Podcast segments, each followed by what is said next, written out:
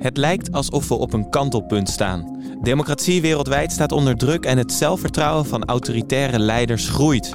Of is het andersom en zien we de laatste stuiptrekkingen van oude systemen? In het tweede seizoen van Wereldmachten gaan we in een aantal specials dieper in op de wereldwijde strijd voor democratie. Met internationale gasten die alles weten van specifieke landen en leiders. Met in deze eerste aflevering Rusland-expert Mark Galliotti.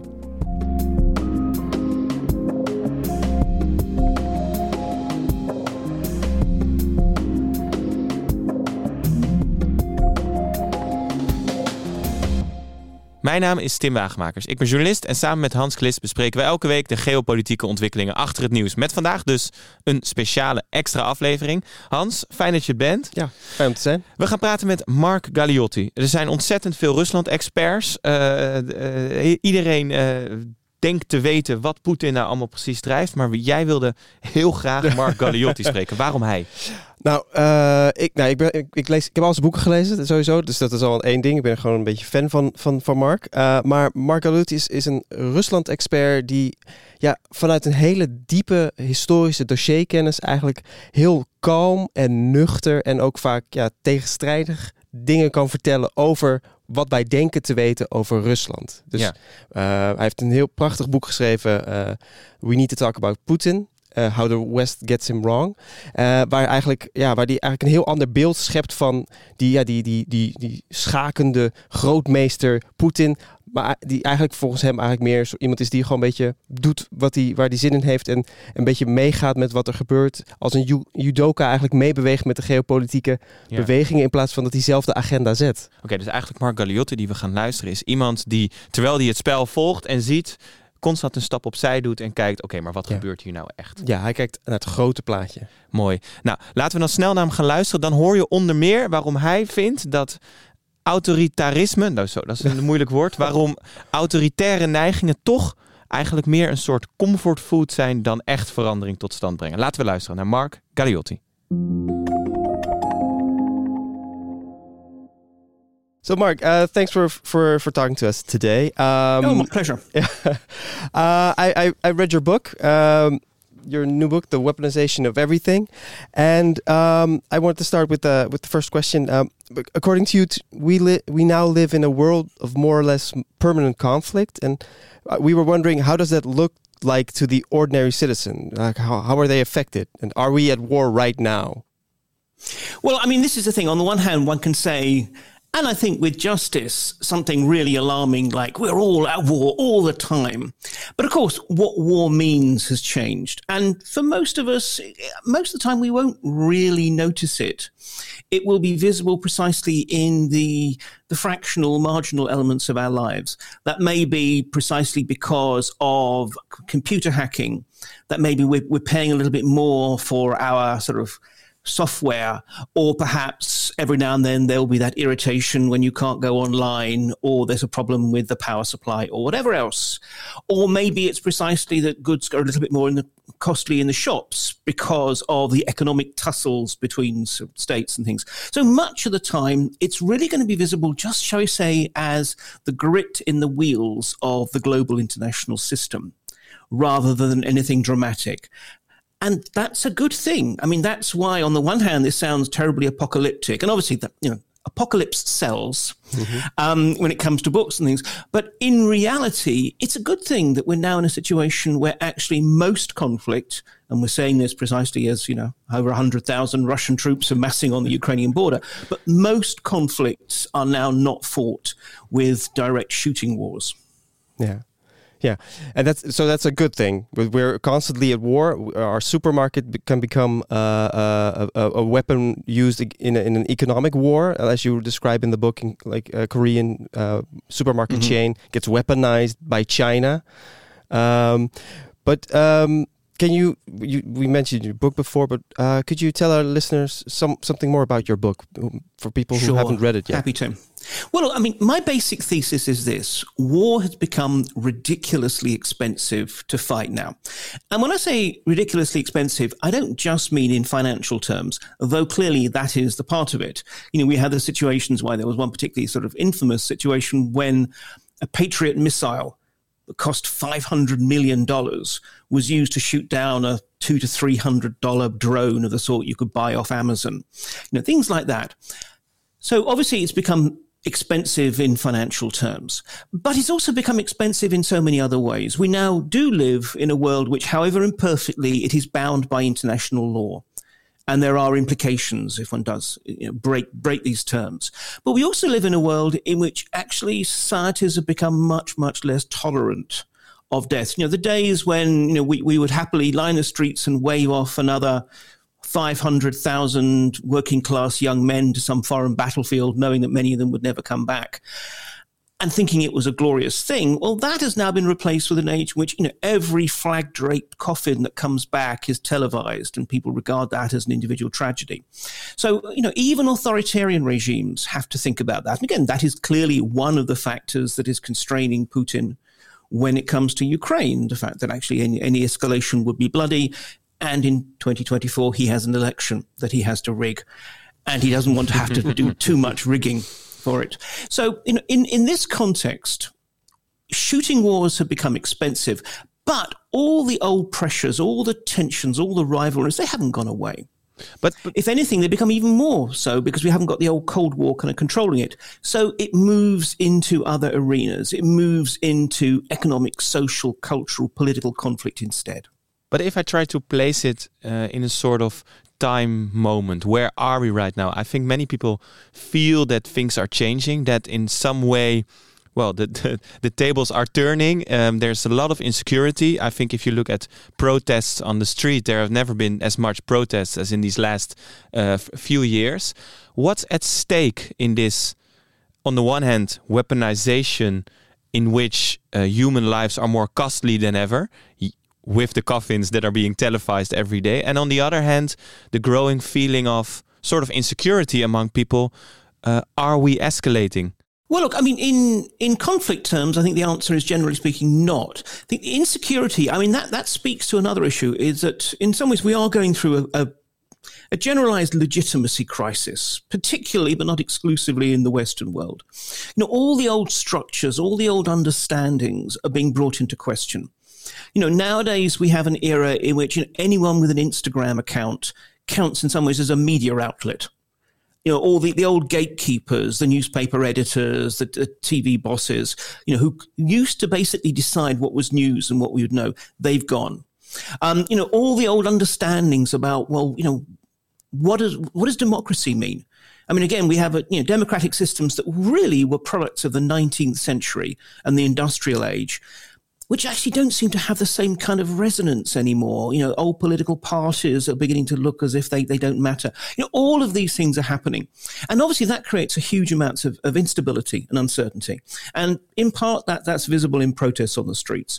But it also creates all these new kind of opportunities for precisely ways in which countries can meddle in our own affairs, whether we're talking about sort of troll farms and disinformation, whether we're talking about the fact that, you know, once upon a time, if you wanted to affect the, the politics of another country, that was a massive, complex, expensive intelligence operation. Now, actually, you know, a few thousand euros to some particularly charismatic fringe people who are broadcasting, you know, have a website that they run from from their mother's spare room actually can have a real impact on the politics. world has gone guerrilla guerrilla is, is, is the word maybe anyone can do it yeah, exactly. I mean, you know, it's, it's, it's what, what, we're facing is actually a kind of a, a democratization of everything, including yeah. international conflict. Um, you know, so I think in that world, you know, this is it. We, we are now in an unstable world, and in part, it's deliberately so in the book, I, I use the metaphor of you know modern fighter jets that are actually built to be unstable because that gives them a lot more sort of maneuverability. And it relies on computers that can constantly detect the changes and constantly adjust for it. Well, that's the kind of model that modern economies operate in, to, and to an extent politics as well. We want our economies and our politics to be responsive and dynamic and to move fast. Well, the corollary of that is they're also quite fragile and quite unstable. Yeah. And uh, to bring it to the uh, Ukrainian border crisis, uh, how do you, or, or, how how can we see this weaponization of everything play out in this crisis? Well, on one hand, it would seem to be, at, on first glance, an absolute repudiation of my thesis, because this seems to be a good old fashioned, you know, situation where the Russians are setting themselves up for a proper shooting war. And look, that could still happen.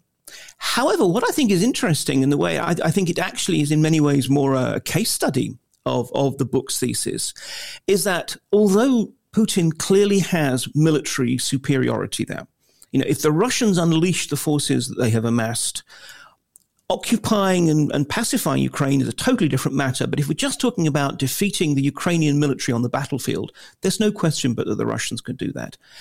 And yet they're not doing so. Instead, I mean, it is clear that using the military is Putin's last resort, not his first resort. Instead, Ukraine has had to face an extraordinary onslaught of every kind of non-military kind of offensive that one could imagine. There's been disinformation, there's been subversion, there's been what in really we would think of as terrorist attacks. There have been cyber attacks. You know, all these kinds of things. Uh, precisely because Putin doesn't want to have to use his armies if he can possibly avoid it. Now, it, you know, again, when it comes down to it, if he's faced with a choice between escalation and capitulation, he will escalate because it's clear that he doesn't feel he can totally back down without having some kind of deal, something that he can claim is a victory. But no, I mean, even here, even when, when he has military overmatch, he's still actually trying to rely on all the other instruments at his disposal so that he doesn't actually have to send the troops in. Nope. it's the bells. Yeah. The bells. and and if you look then at I mean it's sort of we we try to understand the sort of greater narrative of what's going on. So as in to understand what are the sort of uh, perspectives or drivers that uh, cause uh, uh, events or make Ukraine a case study. But at the same time, people are wondering in what sense are individuals important in this aspect? As in, is Putin a product of this greater narrative or is he pushing it? Is, is the individual Putin trying to push this agenda? Or is he also a product of his time in that sense? When it comes down to it, I think, you know, we are all products of our times. I really wouldn't want to make this too much about Putin because there is a danger that we make him into some kind of James Bond villain, yeah. this geopolitical mastermind. I mean, actually, he's a rather dull, opportunist individual. However, more broadly, I think if one says not so much Putin as Russia, we do have a particular situation in which Russia is a country that clearly is vastly weaker than the old Soviet Union and yet it is ruled by a collection of late 60s and early 70 year olds who are all products of that, who are all in some way still working their way through the trauma of the end of empire, which, which is hard. I mean, look, I'm, I'm speaking to you from, from London, you know, a country that arguably, just like the French, hasn't yet really fully worked through the fact that it's no longer an imperial nation and an mm. exceptional one. So, you know, obviously this is, this is traumatic. And, and therefore, they were faced with this dilemma how can we, in effect, try and recreate some of the reach, some of the power, get ourselves recognized as a great power? Even though on almost every index, economic, technological, even military, you know, we are now vastly weaker. And that's why, like good geopolitical guerrillas, what they have done is they, they have appreciated you know, where there are other battlefields in which they are not weaker, or at least where we have vulnerabilities. Um, in, in some ways, look, again, I'm just using an analogy. You know, why do the Russians have so many of the best computer hackers? Well, the answer was in the late 80s and early 90s, when this was really developing, they were poor. They didn't have fancy new computers where, you know, we all got used to the programs that would actually run everything. They actually had to learn coding actually how you really, you know, you un- understand how the computer processes work. And so by definition, they got good at understanding, shall we say, what was going on behind the program. Well, in some ways, I mean, this is it. The Russian state today is a geopolitical hacker. Um, because it, it can't just simply rely on its wealth or its soft power or whatever. It's had to try and actually get to grips with what really actually governs the, the geopolitical system. And they have got pretty good at it, it has to be said. But the point is, there's, there's nothing magic about this. And, and my big sort of, I wouldn't say concern, but sort of issue is where the Russians have gone, everyone else can follow. And we're already seeing, for example, countries like China becoming much more sort of using this. And of course, China is doing that also, also with a much, much, you know, more dynamic economy behind it. So I think this is why the Russians, shall I say, were the first adopters, but they're just the first of many. Mm-hmm. Yeah. So is this what the, the West generally misunderstands about Russia? That it's uh, more or less a, a, not the big power it, it, pretends to be, but more or less someone who's a, a state that's adapting to uh, cheaper, uh, easier ways of operating in, on the geopolitical stage. Yeah, absolutely. I mean, you know, when it comes down to it, look, obviously, I mean, I, I was going to say the West has got fat and lazy. Um, but, you know, there's an element of truth in that because precisely we're in a comfortable situation. No one's about to invade us. Um, you know, we don't face catastrophe. Yes, sometimes you know we, we, we, worry about global warming and climate change and so forth, but they're long term. We worry about whether everything we want is in the shops, but you know if it's not there today, it's going to be there tomorrow. You know these are all it's a bit decadent, first world problems. Yeah. Um, and I think this is it. We we don't appreciate the extent to which actually uh, you know other countries are beginning to think, well, you know how can we um, you know assert our power in ways, you know, not trying to challenge the West head on, but to find alternative ways of doing that. But how do you look then? I mean, I read an article, I think it was in Time magazine, it was the return of the authoritarian leaders. I, I think Anne Applebaum. Yeah, the Atlantic. Yeah. Oh, in, in the, Atlantic, Atlantic it yeah. was. And actually, if I hear your story, I find it hard to understand what how should we rate this? Because on the one hand, you could say it's the return of self confidence or the image of being more powerful and more outward looking, and this is the moment to expand our sphere of influence. They're back again, the spheres of influence. And on the other hand, you can say it's sort of the last phase of trying to uphold the image of being a superpower. H how do you interpret this? Well, look, I mean in some ways, we, are talking about sort of multiple processes. I mean, yeah. the issue about the, the, return of authoritarianism, which again, I think is a little overplayed. It's, it's, a bit too easy just to find a few dots and draw a line and say, there, we have a trend. Yeah, we have a Actually, four or five democracy now is happening. much more yeah. solid than, than, than, than that. Um, and again, but I think that, that reflects this, um, this transitional crisis. Let's put it this way. You know, the kind of post post Cold War is at the same time post-industrial, um, sort of two, in, in some ways, a geopolitical and an economic process that is coming together at, at, the same time. And yes, I mean, authoritarian leaders tend to emerge in points of cultural crisis because it's it's comforting. You know, the you know the daddy figure who says, "Look, don't worry about it. I'll handle it. I'll protect it. You just leave it to me." That's that's something that there is something very deep rooted and very human about that. But on the other hand, I mean, what we also find is that actually authoritarian leaders they're quite good at mobilizing force, and force I mean not just troops, but in all kinds of ways of, of, bringing pressure to bear, because they don't have to worry about parliaments and laws and constitutions and all that kind of thing. So in some ways, they they they can. F- they can mobilize a greater proportion of, of, of national resource behind something. But on the, on the, other hand, authoritarian leaderships tend not to be very good in the long term at actually managing their systems. They, they, they run out of capacity to actually operate. And we're already seeing that. The, Russian system is groaning. On one level, in international terms, it seems to be playing a really strong game. But if you look at what's happening domestically, there's economic stagnation. There is increasing legitimacy crisis um, you know, and it's not just simply about you know young, hip, pro left, you know, pro West protesters or whatever. You know, generally speaking, the Russian people are fed up. So, I mean, I think we we we shouldn't fall fall foul of the, of the assumption that somehow authoritarianism is, is the wave of the future. It's just it's a kind of a, it's it's it's comfort food mm. rather than anything else. And and and I want to uh, put forward to you, uh, we still see author authoritarians like Vladimir Putin, uh, but also uh, Xi Jinping in China challenge and uh, these these these democracies uh, with, for example, they they issue red notices through Interpol. They use lawfare, as you you you state in your book. they use our institutions against us. Um, with a few troops massing across the border, they can cause a, a huge crisis where you know world leaders are uh, are trying to um, they, well, they flock to Kiev and Moscow to and all and they all you know try to do their best and and and but in in doing that they they kind of crack the, the, the stability of the EU or the the, um, the the resolve of the EU they how robust are democracies if they if these strong men can do that? What democracies have is resilience.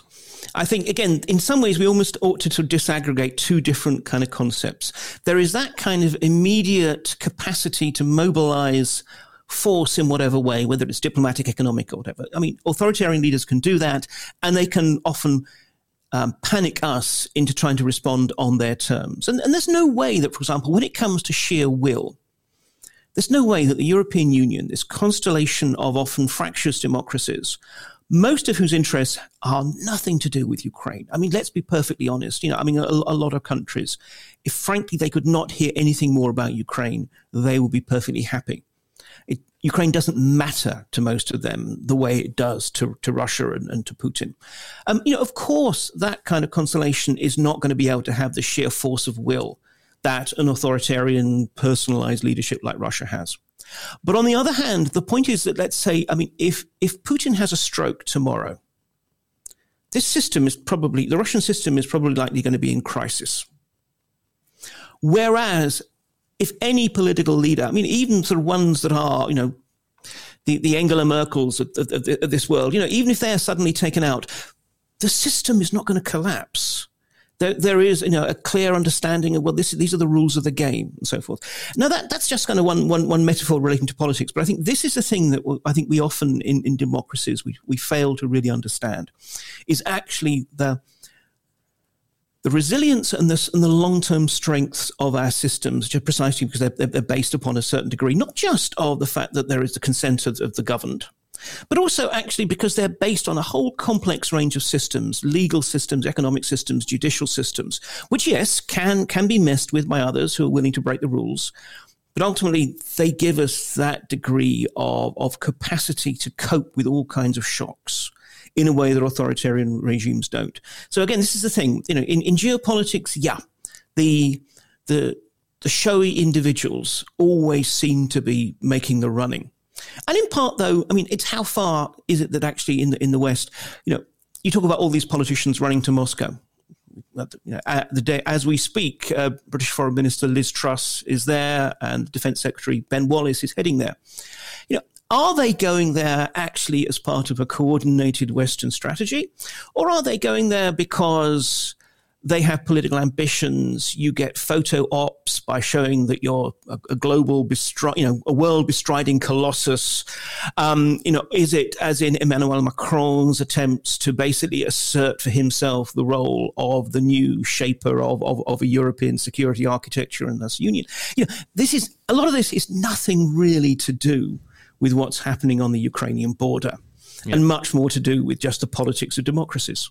But at the same time, um, I, I, think you said really nicely. Sometimes they panic us to respond on their terms. I think you've seen that. I mean, the Netherlands is an interesting case. Just recently, there was a poll that one in five Dutch people uh, understand that or think that Putin has every right to uh, think that he can invade Ukraine because NATO is threatening him. And also with the association treaty in the Netherlands, the referendum, you could see that we were debating all of a sudden about whether or not Ukrainian is Russian in the Netherlands, while at the same time, most people do not care about Ukraine in that sense. But all of a sudden, the, well, the debate got fed by the terms that Russia would want us to talk about. Are you worried about that? Because I think you have Ukrainian Russian border as a case study, but you also have the Netherlands in that sense as a case study. Yes, it's an interesting and depressing case study, particularly given that it was the Netherlands, after all, that suffered most terribly from the MH17 yes. shootdown, which you know ought to have, frankly, sort of created a lot more clarity I think, about the situation. But again, I mean, I think one, one of the issues here is that, yes, of course, we have a certain amount of Russian active political subversion and disinformation. We shouldn't overplay that, though. I mean, actually, what tends to happen is disinformation.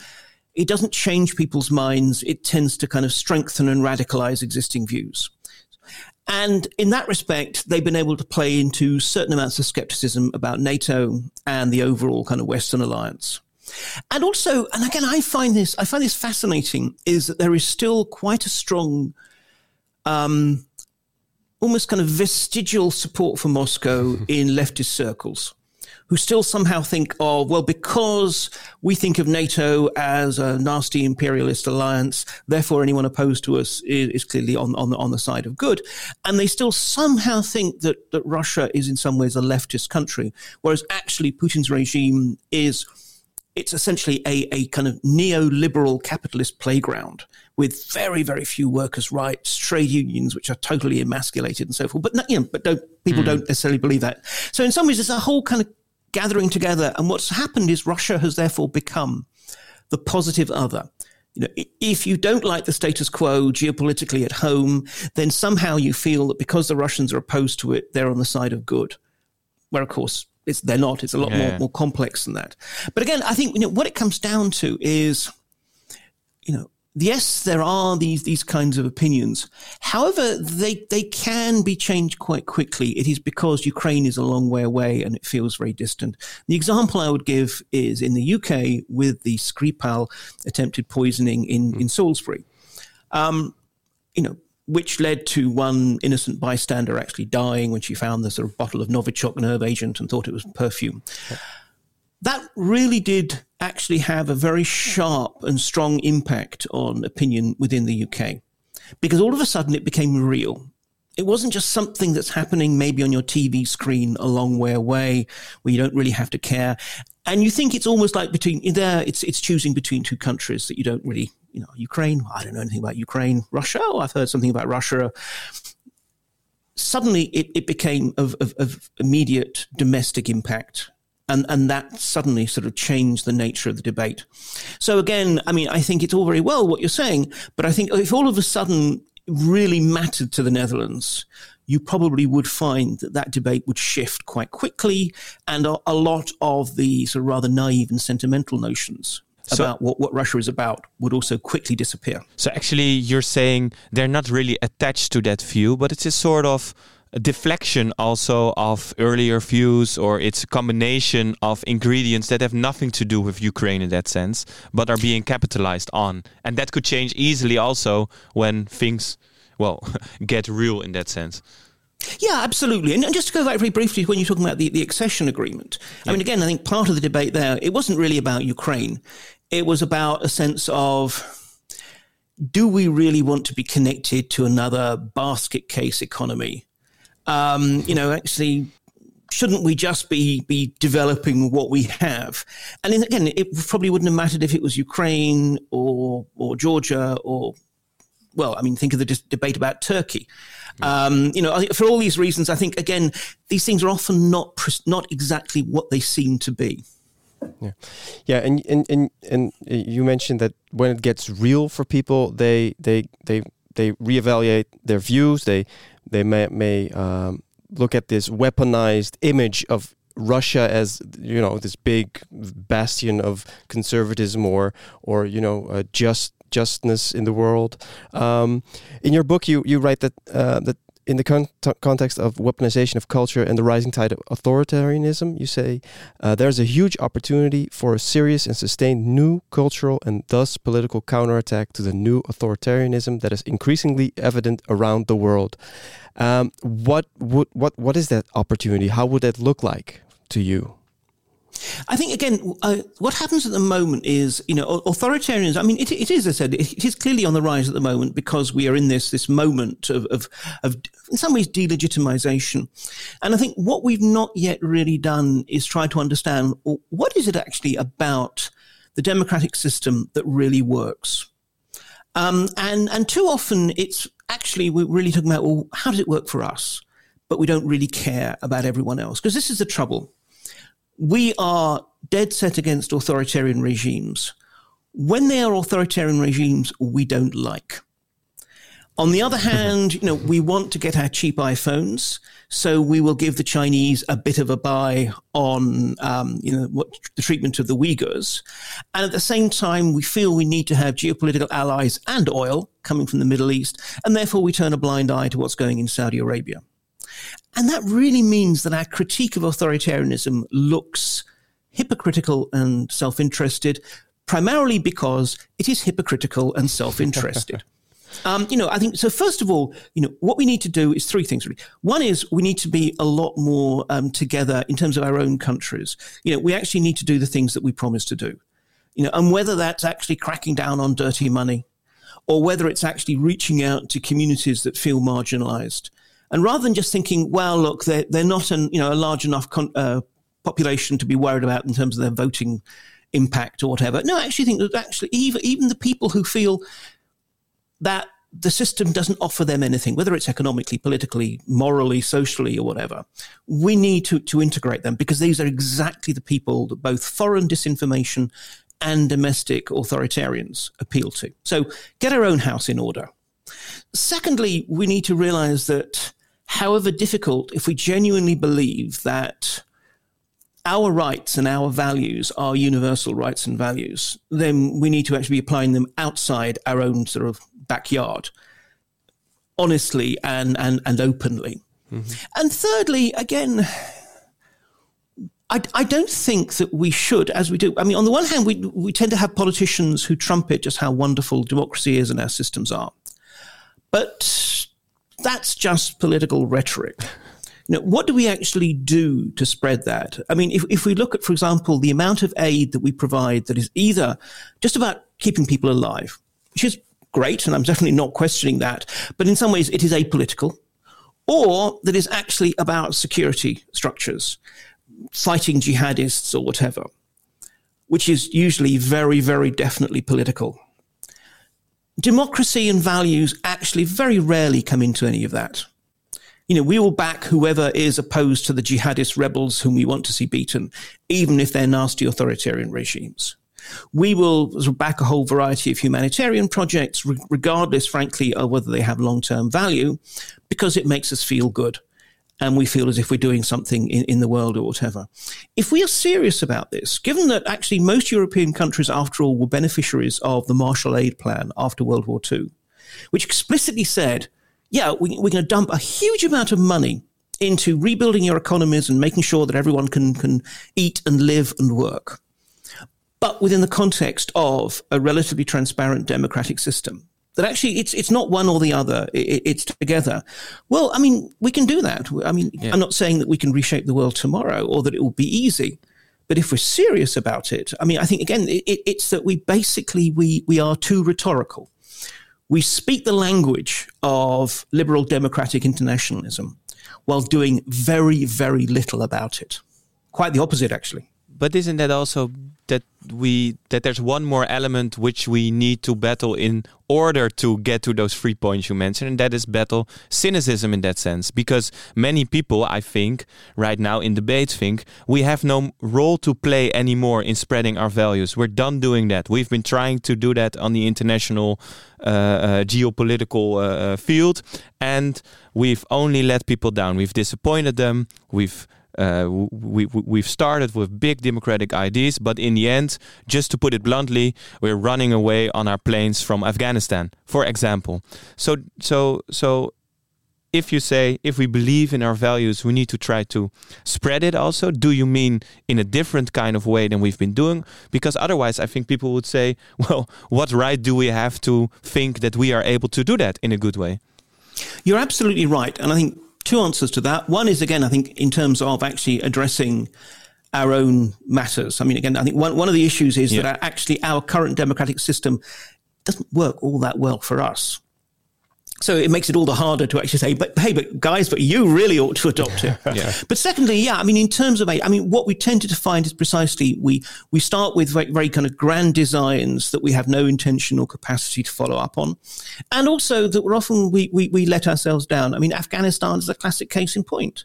I mean, never mind why we went into Afghanistan. Mean, the fact that that was actually a sort of terrible blunder in the first place. But once we were there, actually we kept, and obviously when I'm saying we, it's primarily mm. the United States, but, you know, we can't all blame the United States. We, you know, lots of other countries were there too, and they were were following that that line.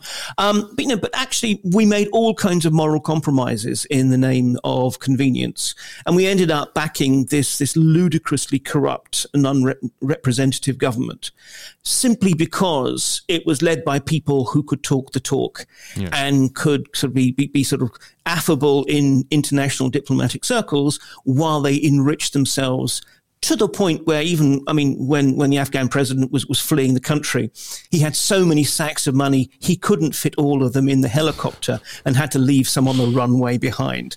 Now, if that's the kind of person whom we regard as our allies in building democratic, transparent structures, of course we're going to lose. So, no, I mean, I think we should be a lot more honest. We should be a lot more pragmatic and we should be a lot, you know, speak less and do more. I think mm. that's the thing. We have a tendency to do a lot of very kind of rhetorical stuff.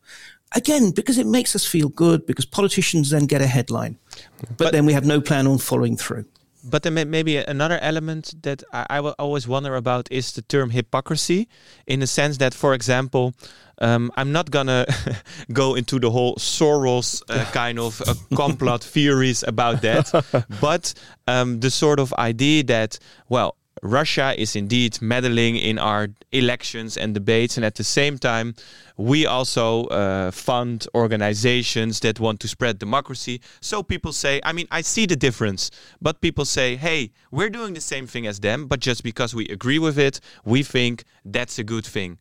Um, how how can we get out of that sort of well? I've I think it's a paradox. It's not really a dichotomy, but how can we get out of that? Because that's also an element. Why are we the ones to decide the rules on how to interfere somewhere? Well, I mean, they're absolutely right. And um, on, on one level, the answer is, well, you know, whoever whoever has the capacity to de- define the rules sets the rules. But again, I think the key thing is this, and, and this is in a way one reason about, if I can bring it back to the book, why I wrote the book. Yeah.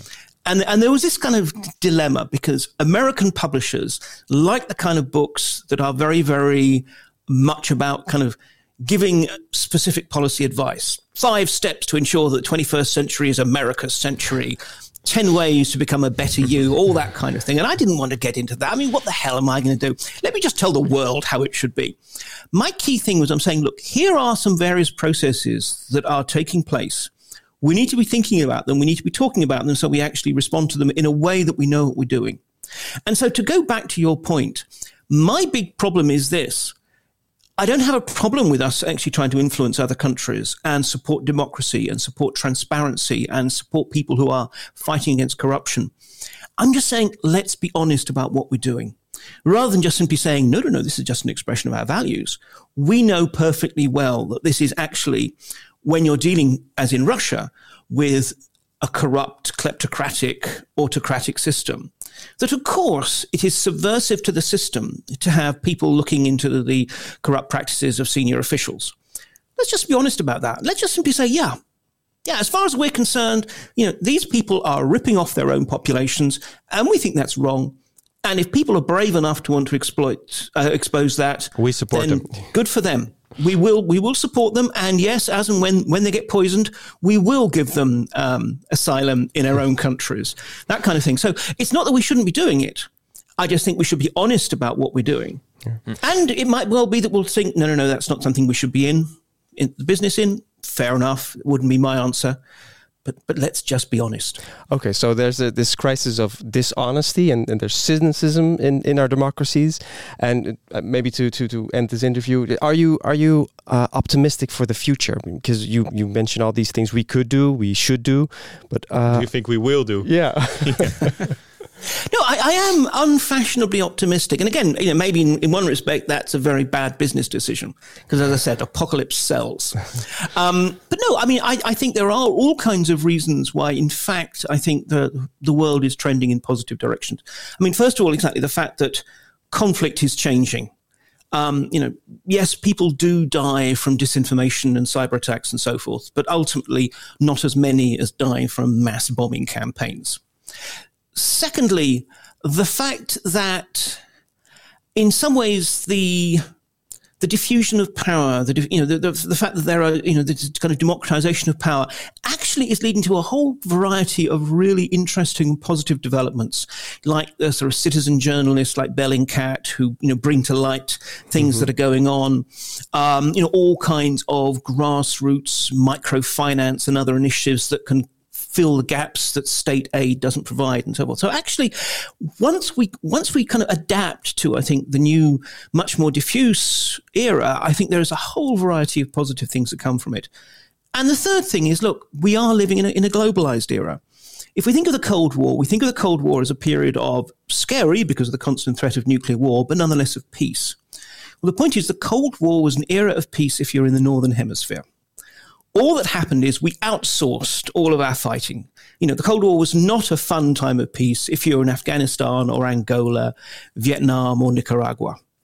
Um, and now I think what we're actually finding is that as the, as at least parts of the global south are rising, we're seeing a sort of a, a, a shift in power.